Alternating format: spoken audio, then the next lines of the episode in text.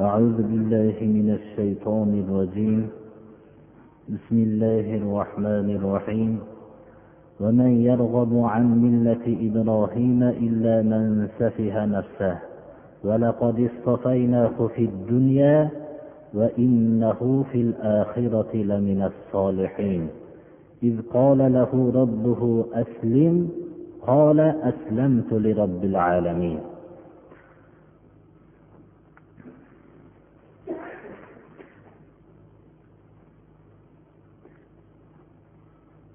Qur'oni karimdan bo'layotgan darsimiz ibrohim alayhissalom va ismoil alayhissalomning kabai muazzamaning poydevorlarini tiklashayotib alloh subhanahu va taologa sig'inib bu amalning qabul qilishligini va o'zlarining ibodat o'rinlarini ko'rsatishligini shu bilan birga tavbalarining qabul bo'lishligini alloh subhanahu va taolodan yana iltijo qilib xudoyo bu millatdan ya'ni o'zlarining avlodlaridan islom millatini yuborishligini va bu islom millatiga o'zlaridan bo'lgan bir payg'ambarning jo'natilishligini u payg'ambarning sifatlarining ba'zilari ollohni kitobini tilovat qilib beradigan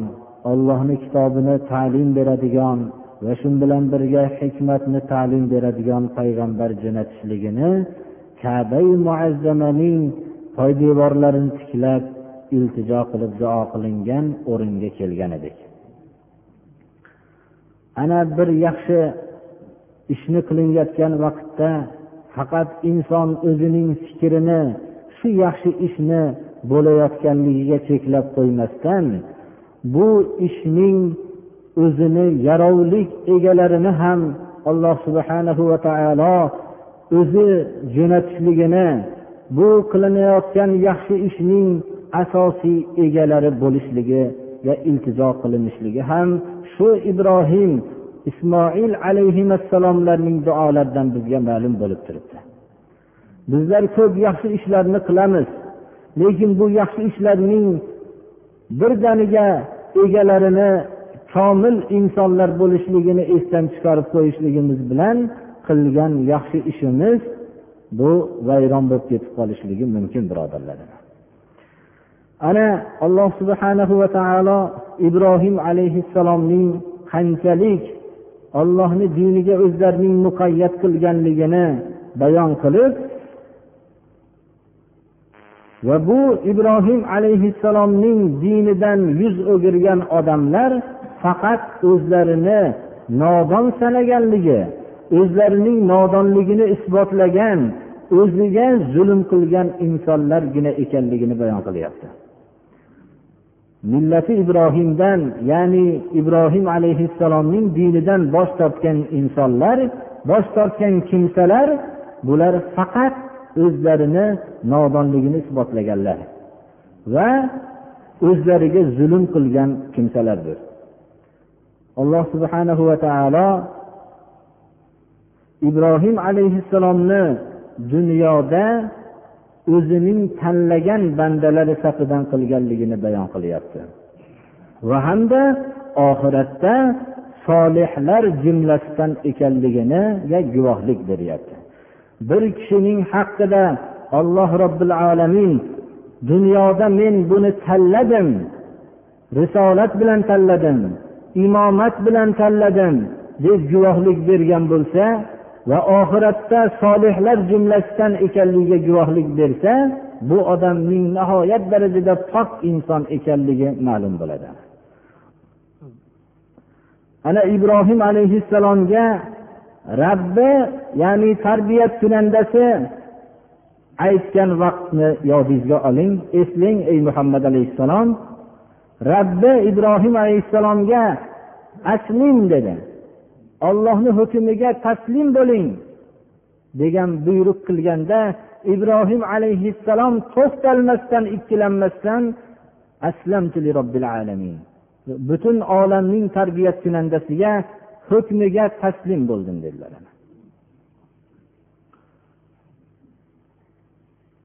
mana ibrohim alayhissalomning dini. Ochiq xolis islom. Bani isroil o'zlarining yahudiylar boshqa ahli kitoblar ibrohim alayhissalomni diniga mansubman deyishadi. Mana ibrohim alayhissalomning dini xolis ochiq islom dinini ibrohim alayhissalom bu millat ya'ni dinni faqat o'zlarigagina kifoyalanmadilar. O'zlarining muslim bo'lishlari bilan kifoyalanib qolmasdan o'zlarining avlodlariga ham bu millati ibrohim ya'ni dini ibrohimni qo'yib ketdilar alayhissalom. Va zurriyotlarida vasiyat qilib qo'ydilar. Ibrohim alayhissalom o'zlarining avlodlariga vasiyat qildilar shu millatda ya'ni dinda bo'lishlikni. Xuddi yaqub alayhissalom avlodlariga vasiyat qilgandek. Yaqub alayhissalom ya'ni bani isroilning otasi isroil ya'ni. Bani isroil demak islomni qabul qilishlari kerak edi bular. Agar o'zlarining bobolarini ajdodlarining vasiyatlariga quloq solsa.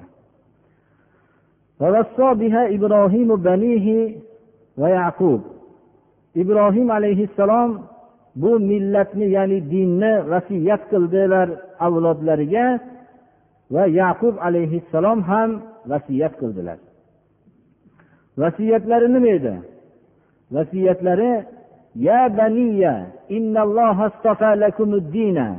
ey avlodlarim olloh sizlarga addina aliflom bilan keltirilyapti islom dinini sizlarga tanladi. Sizlarga islomni din bo'lishligini tanladi.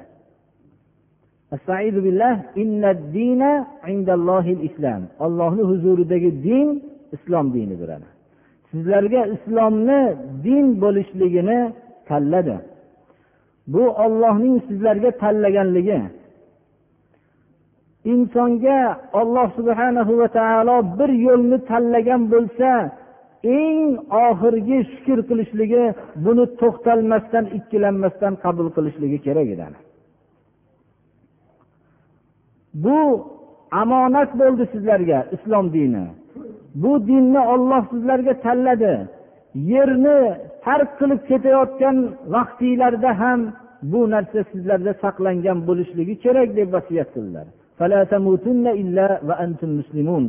Olamdan ketayotgan vaqtinglarda ollohni hukmiga taslim bo'lgan holatdagina ketinglar deb vasiyat qildilar.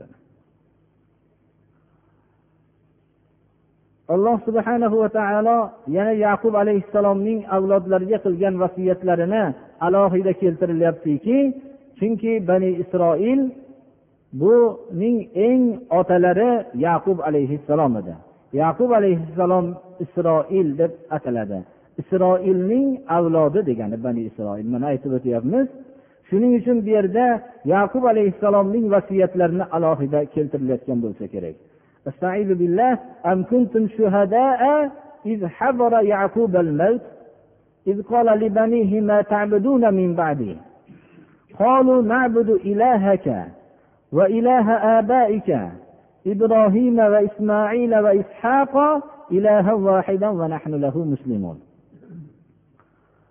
alloh subhanahu va taolo yaqub alayhissalomga o'lim hozir bo'lgan vaqtni tasvirlab xuddi ko'z oldimizga olib kelib qo'yyapti bormidinglar sizlar yaqub alayhissalomga o'lim hozir bo'lganda inson o'lim hozir bo'lganda endi uning hamma narsa esdan chiqadi. U o'linmasligi uni butun vaqtini hayolini egallaydi. Yaqub alayhissalomga o'lim hozir bo'lgan vaqtda bormidinglar deyapti alloh taolo. U kishi o'lim hozir bo'lgan soatda qalblarni mashg'ul qilgan masala nima edi? O'linmasligida turganlarida qalblarini mashg'ul qilib egallagan masala nima edi? U kishi o'zlarining avlodlariga qo'yib ketayotgan narsa nima edi? Buni shunday og'ir ahvollarida esdan chiqarmagan narsa bu meros nima edi? Avlodlariga aytdilarki ey avlodlarim mendan keyin nimaga ibodat qilasizlar dedi. Shuni aytinglar men xotirjam ketay dedilar. U kishi falon narsa falonchiga falon narsa pistonchiga demadilar. Mendan keyin nimaga ibodat qilasizlar dedilar. Avlodlari aytdilarki sizni ma'budingizga va ajdodlaringiz bo'lgan ibrohim ismoil ishoq alayhissalomlarning ma'budiga ya'ni yagona ma'budga ibodat qilamiz. Biz yagona ma'budning hukmiga taslim bo'luvchilarmiz deb otalarini xotirjam qilishdilar birodarlarim. Ota shunday o'zining mas'uliyatini his qilmoqligi kerakki hatto jon taslim qilayotgan vaqtda ham o'zining avlodini islom hayotida qolishligi esdan chiqmasligi kerak. Bu narsa biz salomatligimiz xotirjamligimiz vaqtida biz unutyapmiz bu narsani. Alloh subhana va taolo bizni yaqub alayhissalomga o'lim hozir bo'lgan vaqtni ko'z oldimizga olib kelib sizlar yaqub alayhissalomga o'lim hozir bo'lganda bormidinglar u kishi avlodlariga nima narsa qo'yib ketganligini nima narsani vasiyat qilib ketganligini guvohi bo'lganmisizlar u kishi tugalmas eng olamdagi qiymatbaho bo'lgan aqida merosini qo'yib ketdilar. Ana musulmon kishi o'zining xonadonida kelajakda ham islom qolishligining tashvishi hatto o'linmasligining og'ir ahvoli ham esdan chiqarmasligi kerak. Mana bu boylik eng farzand uchun katta bir qo'yib ketilayotgan katta boylikdir mana. Payg'ambarlar o'zlarining avlodlariga moli davlat oltin kumushlarni qo'yib ketishganlari yo'q. Ular tugalmas eng qiymatbaho bo'lgan shariat aqidasini qo'yib ketishdilar mana. Ulug' xonadonlar ham o'zlarining otalaridan qolgan shariat ilmlarini farzandlariga vasiyat qilib qo'yib ketishlari kerak edi. Hozirgi vaqtda biz aksincha o'zlarimizning o'tgan ajdodlarimiz bilan faxrlanamiz. Biz hijolat bo'lishligimiz kerak chunki otalarimiz bobolarimizni so'ralsa ular alloma olim xalqlarni to'g'ri yo'lga yetalagan kishilar biz bo'lsa hech qanday shariat ilmidan bexabar qolganligimiz uchun bobolarimiz so'ralganda hijolatlik olishligi kerak bizlarni. Chunki shunday katta olimlarning farzandi bo'la turib shariatdan bexabar qolganligini aytishlikdan hijolat bo'lib tortinmoqligimiz kerak.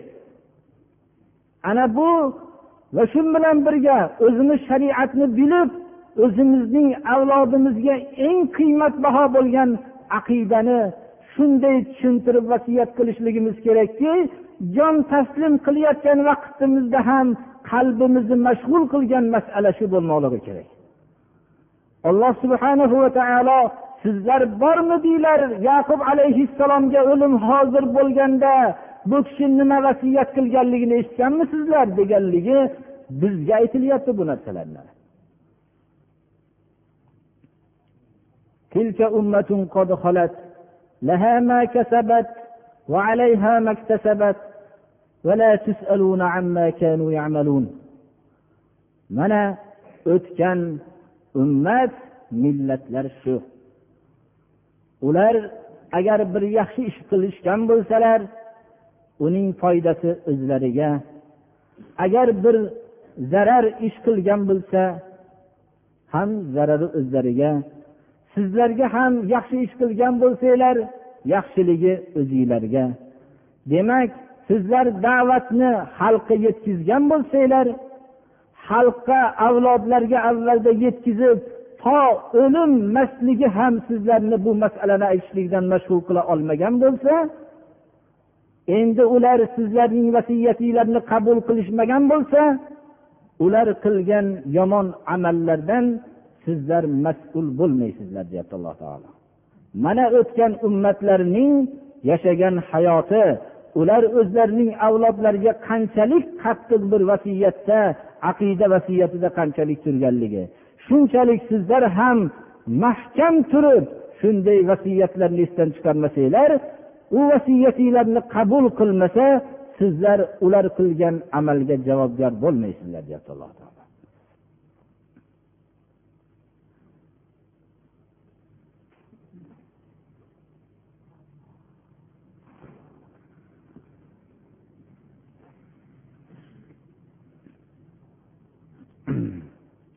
Alloh subhanahu va taolo bizlarni ham o'zimizni avlodimizga shunday katta boylikni payg'ambarlar o'zlarining ummatlariga avlodlariga qo'yib ketgan katta boylikni biz ham qo'yib vasiyat qilib shularni yetkazishligimizga alloh subhanahu va taolo hammamizni qodir qilsin.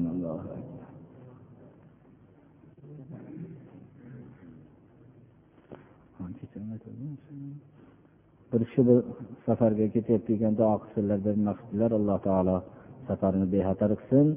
shu yerdagi o'zini diniga zarar yetkazadigan fitnalardan olloh o'zi saqlasin mana allohu akbar بالله من الشيطان الرجيم بسم الله الرحمن الرحيم وقالوا كونوا هودا أو نصارى تهتدوا قل بل ملة إبراهيم حنيفا وما كان من المشركين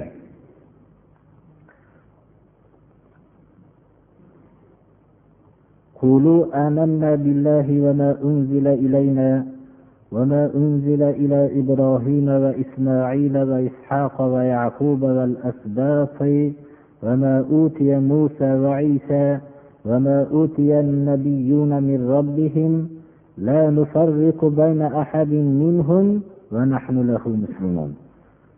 فإن آمنوا بمثل ما آمنتم به فقد اهتدوا. وإن تولوا فإنما هم في شقاق فسيكفيكهم الله وهو السميع العليم yuqoridagi oyatlarda ham ko'p bayon qilib tushuntirdik yahudiylar o'zgalarni yahudiy bo'linglar shunda sizlar to'g'ri yo'lni topgan bo'lasizlar deyishadi nasorolar o'zga odamlarni nasoro bo'linglar shunda sizlar to'g'ri yo'lni topgan bo'lasizlar deb targ'ib qilishardilar. Dunyoda odamlar har qancha adashgan bo'lishsalar ham o'zlarini adashgan deb hisoblashmaydilar. Odamlar o'zlarining doim topgan yo'llarini to'g'ri deb e'tiqod qilishadi. Bu hamma millatga mansub bo'lgan bir tushunchadir. Shuning uchun alloh subhanahu va taolo yo'lni hayot yo'lini odamlarning ixtiyoriga bermadi. Hayotning yo'lini odamlar ixtiyoriga berilganda ular birinchidan ularning ma'rifatlari cheklangan ularning bir zamonnigina ko'ra olishadilar yo o'zlarining yashayotgan yerlarini tushunishadilar atrofdagi o'rinlarni tushunishmaydilar. Shu bilan birga o'zlarining oilalari yoyinki qarindosh urug'lari yoyinki o'zining millatigina hisobda bo'ladi. Shu bilan birga yana havoyi nafsi undan chetda turmaydi. Shuning uchun alloh subhana va taolo hayotni yo'lini odamlarning ixtiyoriga bermadida islomni bizlarga ixtiyor qildi hayotimizni yo'li bo'lishlik uchun. Mana yahudiylar ham o'zlarini to'g'ri yo'lda deydi nasorolar ham o'zlarini to'g'ri yo'lda deyishadi. Vaholanki janobi rasululloh sollallohu alayhi vasallam olib kelgan yo'lga kofir bo'lishibdir mana. Mana qur'oni karim shu haqiqatni bayon qilib yahudiylar bilan nasorolarning so'zlarini bir o'ringa olib kelinyapti. O'zi asli yahudiylar aytishadiki aytishdiki yahudiy bo'linglar. Shunda hidoyatlanasizlar nasorolar aytishdiki nasoro bo'linglar shunda hidoyatlanasizlar deb aytishdi alloh subhanahu va taolo ularning bu so'ziga payg'ambarimiz sollallohu alayhi vasallamga farmon berib ayting biz noto'g'ri yo'llardan haq yo'lga burilgan ibrohim alayhissalomning millati ya'ni diniga ergashamiz deb e'lon qiling. Agar siz bularga biz haq yo'lga burilgan ibrohim alayhissalomning millati ya'ni diniga biz ergashamiz desangiz ular ham davo qilishadilarki ibrohim alayhissalomni yo'lida biz ketyapmiz deb davo qilishadi. Ularga siz xitoban ibrohim alayhissalom mushrik emas edi sizlarga o'xshagan deng. Ana dunyoda har bir kishilar biz bu mazhabga mansubmiz u mazhabga mansubmiz deb hammalari davo qilishadi. Lekin agar shu hozir mazhab boshliqlari bo'lganda ular albatta ularga ergashmagan bo'lardi. Chunki ular hozirgi odamlar aytayotgan so'zlarni aytgan kishilar emas edi ular.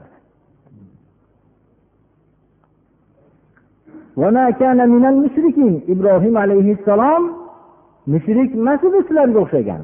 Sizlar demak ibrohim alayhissalomni yo'lida ketyapmiz deb davo qilmanglar. qur'oni karimda billah alloh subhanahu va taoloning shahodati bilan ما كان إبراهيم يهوديا ولا نصرانيا ولكن كان حنيفا مسلما ibrohim alayhissalomni yahudiylar ham talashishardi nasorolar ham talashishardi yahudiylar ibrohim alayhissalom yahudiy bo'lgan deyishardi nasorolar nasoro bo'lgan nasroniy dinida bo'lgan deyishardi Alloh subhanahu va taolo ibrohimu yahudiyan va nasroniyan ibrohim alayhissalom yahudiy emas edi nasoro dinida emas edi balki haq yo'lga burilingan dinda edi u kishi muslim edi deb rad qilib tashlayapti ularning davolarni go'yoki hozirgi johiliyat egalarida ham ko'plari ko'p biror bir millatdan peshvo chiqqan bo'lsa u o'zbek edi yoinki tojik edi deb o'zbeklar o'zbek edi desa tojiklar tojik millatdagilar tojik edi deyishadi. Qirg'iz millatidagilar qirg'iz edi u kishi deb solashishadilar bu bir johiliyatni belgisi. Bizni islomda millatchilik yo'q. U islom millati bor xolos. Bitta millatni taniydi. Qaysi bir kishi qaysi millatdan mansub bo'lishligiga qaramasdan islomni hukmlarini qabul qilgan bo'lsa islom millatdan hisoblanadi. Sizlar ularning so'zlariga xitoban aytinglar. Biz ollohga iymon keltirdik deyiladi deyapti alloh taolo. O'zimizga tushirilgan qur'oni azimga iymon keltirdik deyiladi. Va ibrohim alayhissalomga tushirilgan sahifalarga iymon keltirdik deyiladi. Ismoil alayhissalomga tushirilgan bu sahifalarga iymon keltirdik deyiladi. Ishoq alayhissalom yaqub alayhissalom va asboblarga tushirilgan sahifalarga iymon keltirdik deyiladi.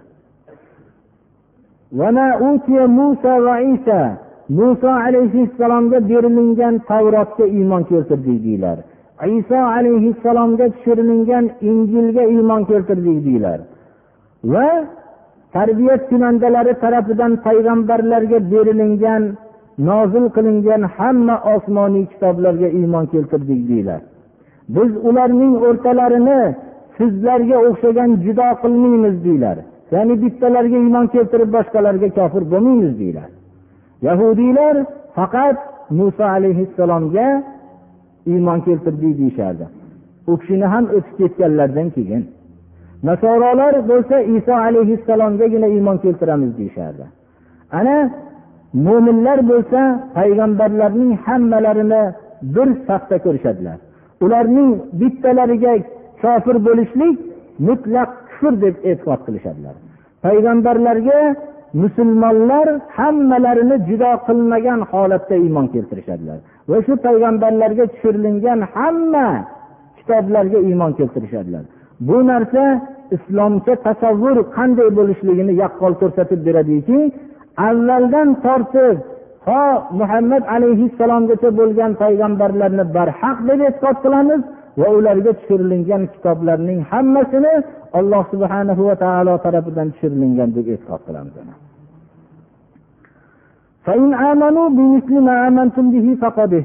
Agar ular sizlar iymon keltirganga o'xshagan sizlar iymon keltirganga o'xshagan iymon keltirishsa hidoyatlanishibdi. Ular ham to'g'ri yo'lda bo'lishibdi. Agar bosh tortishsa ular bilingki sizga adovat qilib sizga qarama qarshi ish qilishlikda ekan. Ular agar sizlar iymon keltirganga o'xshagan iymon keltirishmasa ya'ni qur'oni azimga iymon keltirishmagan bo'lsa sizga qarama qarshi ish qilishlikni maqsad qilishyapti ekan. Ularning adovat va qarama qarshiligidan tashvishlanmang olloh sizga yaqin kelajakda kifoya qiladi. Olloh ularning dillarida bekitayotgan makrlarni eshitib turuvchi va ularning nayranglarini yomonliklarini bilib turuvchi zotdir mana. Mana bu oyat alloh subhanahu va taolo tarafidan kelgan haqiqatga mustahkam iymon keltirgan har bir kishilar uchun zarurdir bilishliklariki agar ular alloh subhanahu va taolo tarafidan kelgan haqqa iymon keltirishgan bo'lsa boshqalar ularga qarshi bo'lishib turgan bo'lsa ular bular bilan kelishmovchilikdan boshqa narsani maqsad qilishmayapti ekan. Va haqiqatga iymon keltirgan mo'min kishi ulardan tashvish qilmasligini alloh subhana va taolo bayon qilyaptiki olloh yaqin kelajakda shunday haqiqiy mo'minlarga kifoya qiladi deyapti. Olloh u dushmanlarning makrini eshitib dillarida bekitib turgan E, bu makrlarni eshitib turuvchi va ularning nayranglarini bilib turuvchi zotdir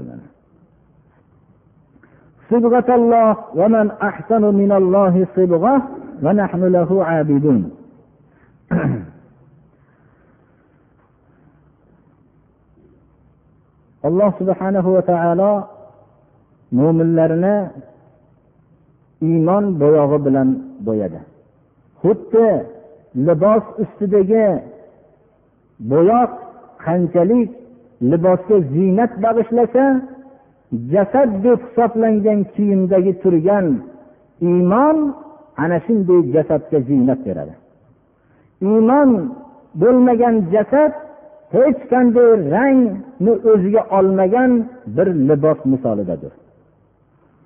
Alloh subhanahu va taolo mo'minlarni shunday deyishlikka xitob qilyaptiki biz yashayotgan iymon ollohni dini deyiladi.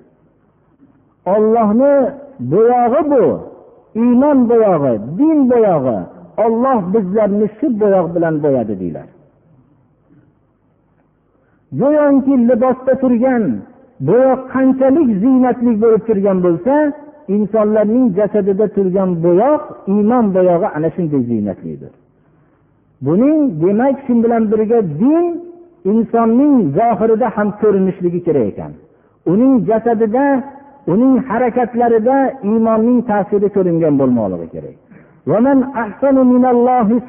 Deb xitob qilinglar. Ollohdan ko'ra bo'yog'i go'zal bo'lgan zot bormi deylar. Din bo'yog'idaqa chiroyli bo'yoq bormi dunyoda? Yo'q albatta mana. Biz ollohni o'zigagina ibodat qiluvchilarmiz deb xitob qilinglar ularga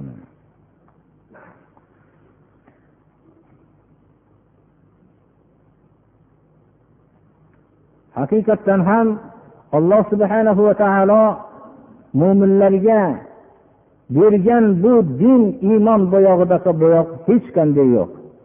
Ana bu bo'yoqni yo'qotgan odamlarga nazar tashlansa butun olamdagi fasod buzg'unchilik mana shu bo'yoq bilan ziynatlanmaganlikdan kelib chiqyapti birodarlar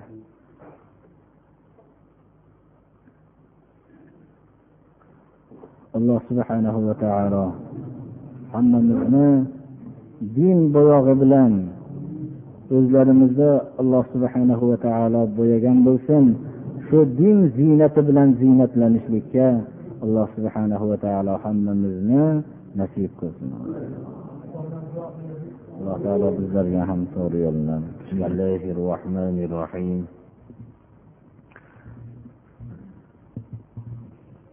qur'oni karimdan navbatdagi darsimizni davom ettiramiz. Ahli kitoblar musulmonlarga noto'g'ri bir da'volarni qilishib biz ollohni o'g'illarimiz ollohni suyumlilarimiz deb hatto shunday da'volarni ham aytishardi. Do'zax o'ti bizga ma'lum kunlargina ta'sir qiladi deb mana bunday da'volarni ham aytishardi. Alloh subhanahu va taolo muhammad alayhissalomga farmon berib استعيذ بالله قل أتحاجوننا في الله وهو ربنا وربكم ولنا أعمالنا ولكم أعمالكم ونحن له مخلصون ayting ey muhammad alayhissalom ahli kitoblarga bizlar bilan olloh haqida munozara mujodala qilasizlarmi? Davo qilibki biz ollohni o'g'illarimiz deb suyumlilarimiz deb bizlar bilan mujodala qilasizlarmi deng? Vaholanki olloh bizlarning va hamda sizlarning tarbiyat kunandamizu. Olloh hammaning tarbiyat kunandasi oxiratdagi jannatni o'zinglarga cheklab biz bilan ollohni haqqida mujodala qilasizlarmi deng.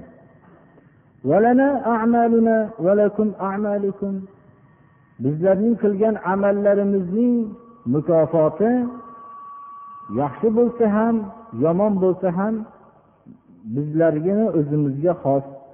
Sizlarning ham qilgan amalinglarni yaxshi bo'lsa yaxshi jazosi yomon bo'lsa yomon jazosi sizlarga o'zinglarga xos. Bir kishi qilgan gunohga ikkinchi bir kishi o'zini mas'uliyatini o'tagandan keyin javob bermaydi. Biz ollohgagina xolis ibodat qiluvchilarmiz.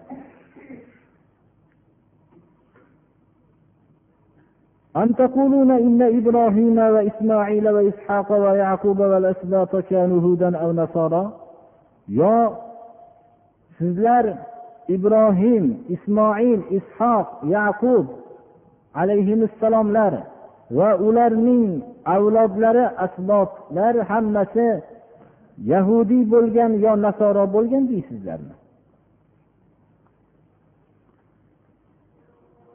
alloh subhanahu va taolo qur'oni karimda ما كان إبراهيم يهوديا ولا نصرانيا ولكن كان حنيفا مسلما ibrohim alayhissalom yahudiy yo nasoro bo'lgan emas alloh subhanahu va taolo tarafidan jo'natilingan islom dinida millatchilik yo'q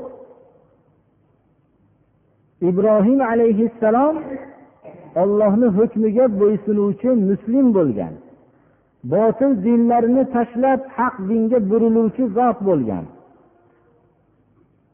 Sizlar ollohning shahodatini nima uchun qabul qilmaysizlar? Sizlar biluvchiroqmi yo ollohmi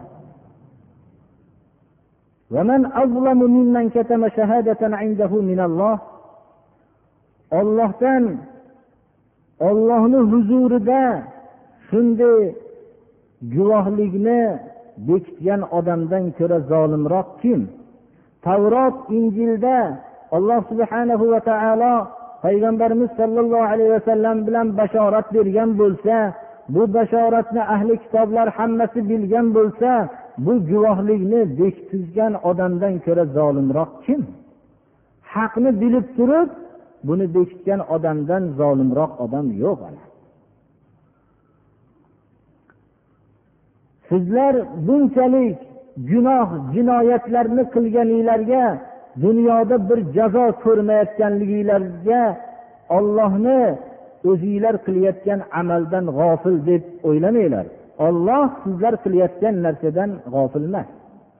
Dunyoda sizlarning qilayotgan amalinglarga jazo bermayotganligiga g'ofil deb o'ylamanglar.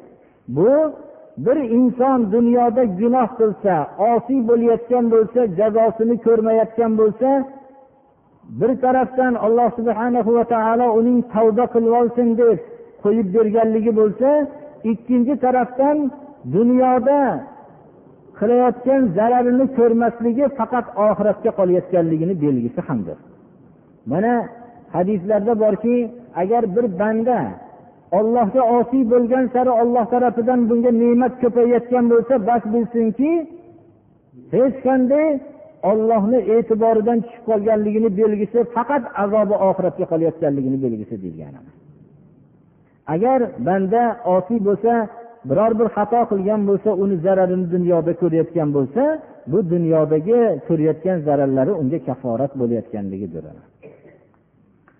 Ko'p odam o'ylaydiki ko'p gunohlarni qilayotganda zararini ko'rmasligi bilan hatto iymon sifatiga ega bo'lib qolgandan keyin ham olloh ko'rmayaptimikin degan e'tiqodga borib qoladi olloh g'ofil emas bandalarning qilayotgan fe'lidan lekin ularni tavba qilishliklari uchun imkoniyat bilan qo'yib beradi تلك أمة قد خلت لها ما كسبت ولكم ما كسبتم ولا تسألون عما كانوا يعملون mana o'tgan ummatlar jamoasi.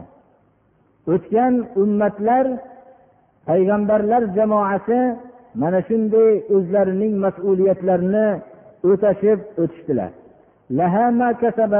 O'tgan ummatlarning qilgan ishlari agar yaxshi ishlar qilgan bo'lsa manfaati o'zlariga.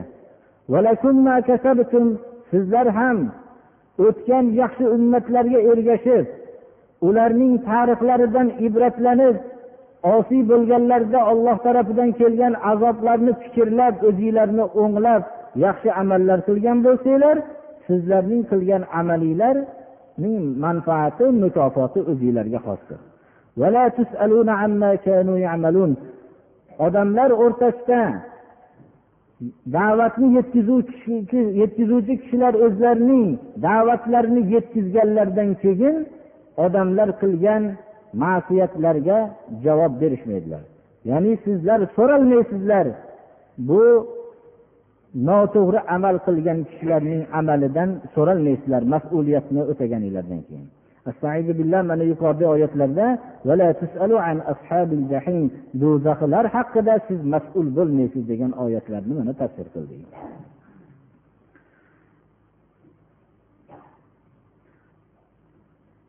Mana bu ahli kitoblarning qur'oni karimni surai baqarada xususan nihoyatda ko'p zikr qilingan.